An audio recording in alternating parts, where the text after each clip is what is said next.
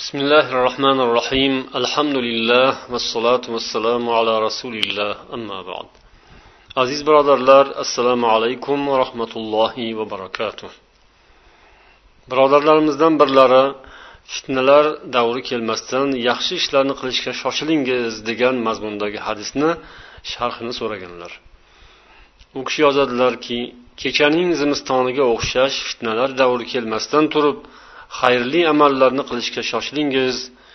O'sha paytda bir kishi ertalab mo'min bo'lib uyg'onadi va kechasi kofir bo'lib yotadi.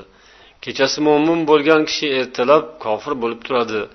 Dinini o'z dunyo manfaati evaziga sotgaylar degan hadis. Ahmad ibn hambal musnat muslim va termiziylar rivoyat qilishgan hadis deb yozganlar. Darhaqiqat imom termiziy o'zlarining sunanlarida keltiradilar عن أبي هريرة رضي الله عنه أن رسول الله صلى الله عليه وسلم قال بادروا بالأعمال فتنا كقطع الليل المظلم يصبح الرجل مؤمنا ويمسي كافرا ويمسي مؤمنا ويصبح كافرا يبيع أحدهم دينه بعرض من الدنيا أبو هريرة رضي الله عنه دن رواية rasululloh sollallohu alayhi vasallam aytdilar zimiston kecha kabi bostirib keladigan fitnalar kelmasidan avval solih amallarga shoshilingiz. Ana o'sha paytda inson mo'min bo'lib tong ottiradi kechasiga borib kofir bo'lib qoladi.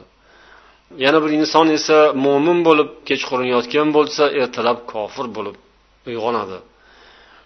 Ularning biri dinlarini ozgina dunyoga sotadi. Tuhfatul ahvaziy kitobida bu hadisni sharhlaydilar payg'ambar sollallohu alayhi vasallam ummatlarni ogohlantirganlar. Oxir zamonda bo'ladigan holatlardan ehtiyot bo'lishga chaqirganlar. Badiru shoshilingiz harakat qilingiz tezroq solih amallarni qilishga tezroq harakat qilib qolingiz.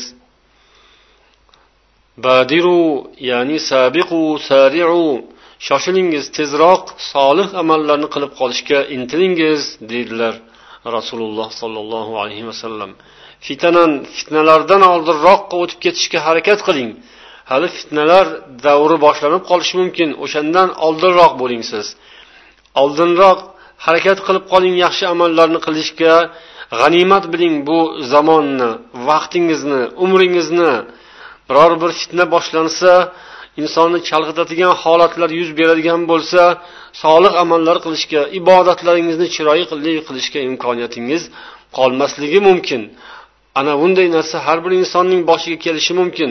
Shundan ehtiyot bo'ling deb rasululloh ogohlantirdilar. Bostirib keluvchi qorong'u zimiston kechaning bo'laklari parchalari kabi. Ya'ni ketma ket keladi. Hmm, oldin qorong'ulik boshlanadi ozgina shu bilan quyuqlashib quyuqlashib ketaveradi.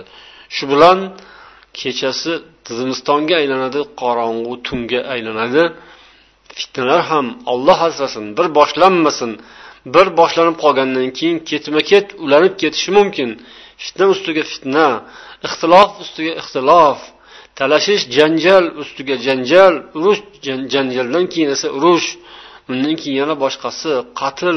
Shunga o'xshash narsalar naudubillah ya'ni bu hadisning sharhida qabla majiil fitanil muzlima min al qatl wal nahb wal ixtilaf bayn al muslimin fi amri dunya va din deganlar. Ya'ni fitnalar deganda qatl bir birini o'ldirish bir birini bosqinchilik qilib narsasini talash yoki musulmonlar o'rtasida dunyo va din ishlarida kelishmovchiliklar ixtiloflar paydo bo'lishi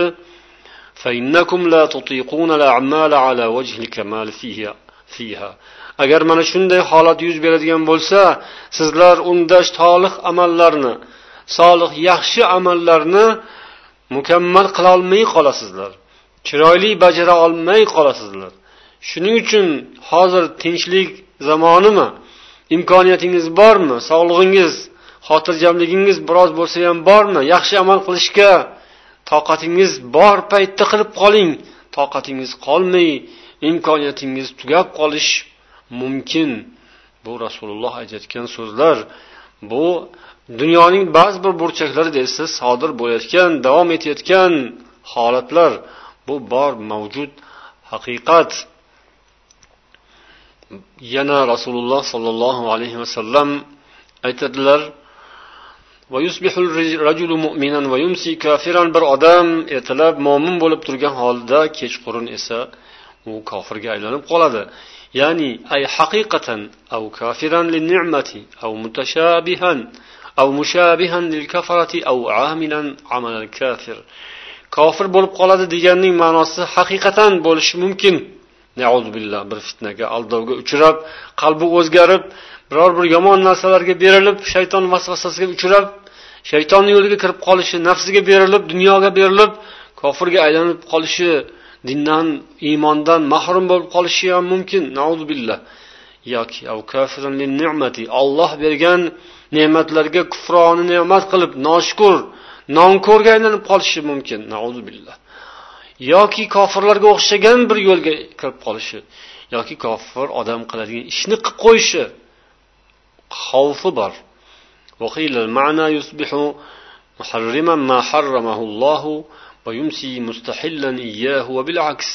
Yana buning ma'nosida sharhida aytilganki olloh harom qilgan narsani ertalab harom deb turgan bo'lsa kechqurunga borib adashib o'sha haromni halol deb e'tiqod qilib qolishi mumkin. Yoki buning aksi ham bo'lishi mumkin.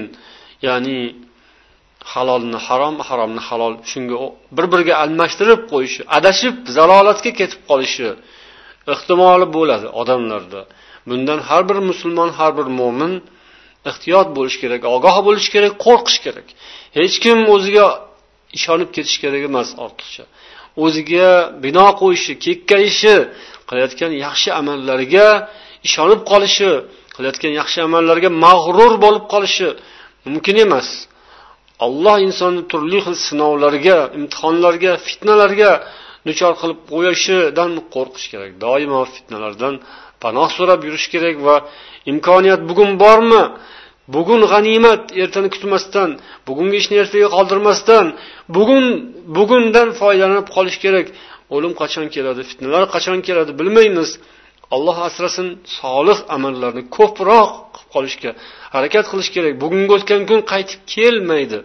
Bu butunlay ketadi tarixga. Ertangi kun yangi kun bo'ladi. U esa hali aniq emas. Olloh biladi. U nasiya. Bugungisi naqd. Naqdidan foydalanish kerak. Nasiyasiga nasiyasiga ishonib aldanib unga yetolmay naqdidan ham mahrum bo'lib qolganlar ko'p bo'ladi dunyoda. نعوذ بالله من ذلك يبيع أحدهم دينه بعرض من الدنيا ana ularning biri o'zining dinini dunyo matosiga sotib qo'yadi ay bi akhdhi mata'in dani'in va thamanin radi'in va thamanin radi'in ya'ni dinini dinidan bo'lgan bir amalni ishni yo e'tiqodni yo bir holatni iymonini dunyoning past matosiga yoki bir past arzimagan pulga sotadi. Ya'ni shu tufayli dindan ayrilib qoladi. Dunyoga berilib dunyoni ketga tushib pulni deb molni deb ovqatni deb kiyimni deb yoki uy joyini deb lattani deb yo loyi deb inson dinidan ajrab qolishi xavfi bor. Bundan inson qo'rqishi lozim deydilar. Yana ulamolar aytadilar buni yana bir qancha jihatlari bor. أحدها أن يكون بين طائفتين من المسلمين قتال لمجرد العصبية والغضب فيستحلون الدم والمال yana shu hadisdan chiqadigan ma'nolardan biri musulmonlar o'rtasida shunchaki bir millatchilik yoki bir mahalliychilik sababi bilan o'rtada kelishmovchilik janjal urushlar paydo bo'lishi adovat nafrat g'azablar yuzaga kelishi bir birlarini qonlarini mollarini halolga chiqarishlari ham mumkin. Bunday holatlar tarixda bo'lgan. Hozirgi paytda ham joylarda musulmonlar bir birlari bilan kelishilmasdan bir birlarini kofirga yoki bidatchiga chiqarib bir birlarini adashganga chiqarib bir birlarini do'zaxiy deb hukm qilib turgan joylari bo'ladi. Billah bu ana o'sha rasululloh aytganlaridek insonni qalb ko'zi ko'r bo'lib qolsa haqni botil deb ko'rib to'g'ri yo'lda yurgan odamlarni adashgan deb o'ylab yoki adashganlarni haqiqatdan adashganlarni esa do'st fahmlab ularni pinjiga kirib ketish bunday holatlar musulmonlar o'rtasida uchrab turadi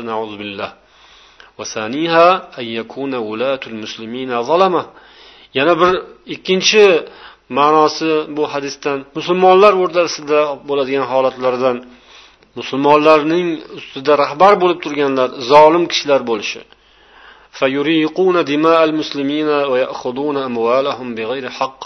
ular musulmonlarning qonlarini to'kishlari ularning molu dunyolarini nohaq ravishda tortib olishlari o'zlari zinokor bo'lishlari va aroq ichishlari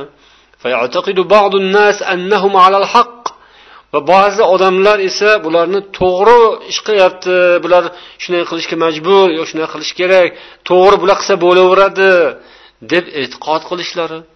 Va yuftihim ba'du ulama su ba'zi yomon ulamolar bularning ishiga fatvo berishlari.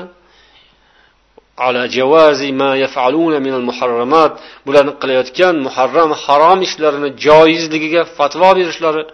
Min iraqati dima va odamlarning qonini to'kkani ularning mollarini tortib olganini joiz deb fatvo beradigan yomon ulamolar paydo bo'lishi ham mana shu hadisdan olinadigan ma'no deydilar tuhfatul ahvaziy sohiblari demak zolimlarni qilayotgan ishlarini ba'zan oqlaydiganlarni eshitib qolasiz. Bular nima qilsin? Bular to'g'ri ish qilyapti. Boshqa iloji yo'qda bularni shunday qilmasa tinch turmaydida davlat. Mamlakatni ushlab turish uchun shunaqa odamlarni o'ldirish kerak qamash kerak jazolab turish kerak deb aytadigan shuni e'tiqod qiladigan odamlar yoki shuni tasdiqlab beradigan olimlar bo'lish. Yoki hech bo'lmaganda ko'zini yumib jim turishi indamasdan turishi gapirganlarni og'zini urib yumib turishi. Indamang gapirmaslik kerak. Bular qilsa o'zi javob beradi hech narsa emas. Musulmonlar o'zi aybdor bunga. Degan so'zlar bilan o'sha bo'layotgan zulmni oqlab yoki jim sukut saqlab turish mana shu demak hadisning sharhida aytilgan so'zlarni taxtiga dohil bo'ladi. وثالثها ما يجري بين الناس مما يخالف الشرع في المعاملات والمبايعات وغيرها فيستحلونها uchinchi ma'nosi esa deydilar shorih odamlar o'rtasida shariatga xilof teskari bo'lgan ishlarni joriy bo'lishi odamlarning muomalalarida bay oldi sotdi ishlarida va boshqa ishlarda shariatga xilof bo'lgan ishlarni qilishlari va buni halol deb bilishlari. Bu ham o'sha fitnalarning bir ko'rinishi. Bu ham ko'p tarqagan. Odamlar odamzod musulmonlar boshqa odamlarni qo'ying mayli. Musulmonlar o'zaro muomalalarda bir birlariga sovuq xunuk muomala qilishlari orqalaridan bir birlarini ig'vat ig'vo g'iybat qilishlari fitna fasod tarqatishlari muomaladagi buzuqlik muomaladagi fasod buzg'unchilik shariatga xilof ishlar bular. Yoki muboyaat bay oldi sotdi ishlarida harom ribo poraxo'rlik boshqa ishlarga aralashib harom aralashgan aldamchilik aralashgan bay ishlarini qilaverishlari endi zamon shunaqada deb ribo protsent foizga narsa olib sotish yoki boshqa shunga o'xshagan muomalalarni hozir nima qilaylik boshqa ilojimiz yo'qdi deb buni joiz halol sanab mana shunday ishlarni qilishlari bundan tiyilmasliklari hazar qilmasliklari bu ham fitna. Bu ham fitnaga giriftor bo'lishning bir ko'rinishi. Demak fitna faqat urush janjal bo'lib bir birini o'ldirishning o'zigina emas fitna. Balki mana shu harom ishlarni qilish ham bu ham bir fitna ekan.